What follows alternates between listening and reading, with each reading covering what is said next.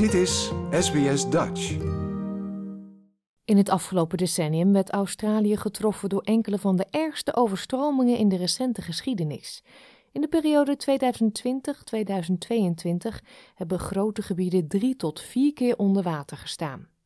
Door intense regenval zijn rivieren herhaaldelijk overstroomd en dit heeft in sommige overstromingsgevoelige gemeenschappen catastrofale schade aangericht aan infrastructuur en huizen. Het heeft zelfs mensenlevens gekost. In deze SPS Settlement Guide krijgt u antwoord op de vragen als: hoe weet je of er extreem weer aankomt? Hoe kun je hierop voorbereiden en waar kunt u aankloppen voor hulp? Dit is SBS Radio Dutch. Wanneer zware buien overtrekken en overstromingen toeslaan, vertrouwen de meeste communities in Australië voor hulp op de hulpdiensten van hun lokale staat of territorium. Deze organisaties, algemeen bekend als de SIS, helpen gemeenschappen met de voorbereiding op noodsituaties om zo hun risico's te minimaliseren. Ze helpen bij evacuaties en bij het opruimen en repareren nadat de regen is opgehouden en het water is gezakt. Elke SIS is afhankelijk van een hoogopgeleide vrijwilligers, zoals Christina Sabato, die al vele jaren in New South Wales dient. So we're the combat agency for flood, storms and tsunamis. A lot of our members around the state help flooded communities. We look after uh, any storm damage to property, trees that have come down, roof damage, anything of that nature that's related to either flash flooding or storms. SIS-vrijwilligers kloppen vaak aan de deur om bewoners te waarschuwen voordat er een zware storm of overstroming plaatsvindt. Zij informeren bewoners over evacuatieprocedures en mogelijkheden. Ze kunnen helpen met het beschermen van eigendommen of infrastructuur door gevaarlijke items te verwijderen of zandzakken te maken om tijdelijke muren te bouwen om het water buiten te houden. Dorothy Tran is een Community Capability Officer voor de New South Wales SES. Ze zegt dat de eerste stap paraatheid is. Mensen moeten hun risiconiveau begrijpen, zodat ze een noodstrategie kunnen opstellen waarin wordt beschreven wat ze zullen doen als zich een ramp voordoet. before people actually look at drafting a plan, they need to know why they're drafting their plan. What is their actual risk? Do they know if where they live, work, or visit are areas that could be impacted by storms or floods? Storms can strike anywhere, so always being storm prepared is a very good thing. In terms of floods, if you live near a waterway, a creek, a storm pipe, they need to be mindful in terms of where that water might flow and what it might impact them in terms of either their house or their transit um, and transport day to day from work and home. Mensen die in de buurt van waterwegen wonen, moeten altijd op de hoogte zijn van de weersomstandigheden voor het geval er overstromingen plaatsvinden. Gemeenschappen kunnen de actuele weersvoorspellingen volgen via de apps, websites of sociale media van de Bureau of Meteorology of de SIS. Ze moeten klaar zijn om hun noodplannen uit te voeren voordat het water stijgt. Als ze kinderen, huisdieren of vee hebben, moeten ze weten hoe en waar ze deze in veiligheid kunnen brengen. Afhankelijk van het dreigingsniveau moeten ze mogelijk evacueren. Als alternatief kunnen ze besluiten om te blijven om hun eigendommen te beschermen. Hoe dan ook, mensen die in overstromingsgevoelige gebieden wonen, moeten van tevoren bedenken welke voorraden ze nodig hebben en een noodpakket achter de hand hebben. Dorothy Tran legt uit. Do they need things like medication day to day? You probably need to consider your basic necessities. So, having a spare set of clothes, having some water and food. If you have pets or any children in your family, making sure you've got items for them. So, pets probably need things like leashes, carriers, maybe some of their foods and treats. For kids, spare clothes, food for them if required, nappies if it's a baby or a toddler, prams, and have something that's comforting as well. It could be treats, toys, or a comfortable blanket to make sure that they also feel safe and comfortable.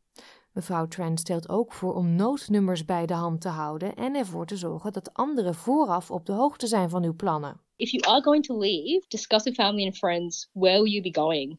Can you go to another family and friends place outside of the affected area? Will you need to go to an evacuation center? If you're the main translator in your family, the main English speaker, the household members you have who might be left behind, do, do they know what to do if you're not in the house? We have heard of stories where grandparents looking after their grandkids a storm or a flood hits and do the grandparents know what to do with the kids if they need to evacuate sharing and practicing your plan is really important Noodzakelijke items om in te pakken zijn batterijen, zaklampen, kaarsen, regenkleding, dekens en toiletartikelen. Maar denk ook aan een EHBO-doos en belangrijke documenten, zoals paspoort of andere identiteitsbewijzen, bank- of verzekeringsgegevens, evenals andere waardevolle spullen, zoals eigendomsbewijzen of familiefoto's. Hoewel de SES mensen altijd aanbeveelt om te evacueren, besluiten sommige overstromingservaringsdeskundigen te blijven. Nicole Wassel woont in de Lower MacDonald River regio, in een klein stadje aan de rand van Sydney. Haar huis met twee verdiepingen is in twee jaar tijd vier keer overstroomd. Omdat haar familie drie tot vier dagen nodig heeft om zich voor te bereiden op een overstroming, houden ze de weersvoorspellingen in de gaten via de app van de Bureau of Meteorology en houden ze een logboek bij van de rivierwaterstanden. Dit zorgt ervoor dat ze een voorsprong hebben voordat het water begint te stijgen. We all go and do a big grocery shop and stock up on all your tin food or your long life sort of foods in case we get cut off. My husband goes and top up all the fuel jerry cans so we've got heaps of fuel on hand for the generator for when we lose power. I fill the bathtubs with water just so we have fresh water for drinking or washing up. Er zijn een paar eenvoudige dingen die u kunt doen om uw huis voor te bereiden op slecht weer. Denk hierbij aan het verwijderen van bladeren uit goten en afvoeren om verstoppingen te voorkomen. Het opruimen of vastbinden van alles wat bij harde wind zou kunnen wegwaaien of kunnen wegdrijven bij regen.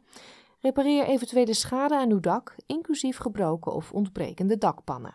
Once that's done, you start lifting things from downstairs up, and then you're basically prioritizing moving cars, boats, anything you can move via trailers to higher ground. Then you bunker in and wait to see how high it comes. Mevrouw Wossel heeft reddingsvesten en een kleine boot paraat voor het geval de familie moet evacueren.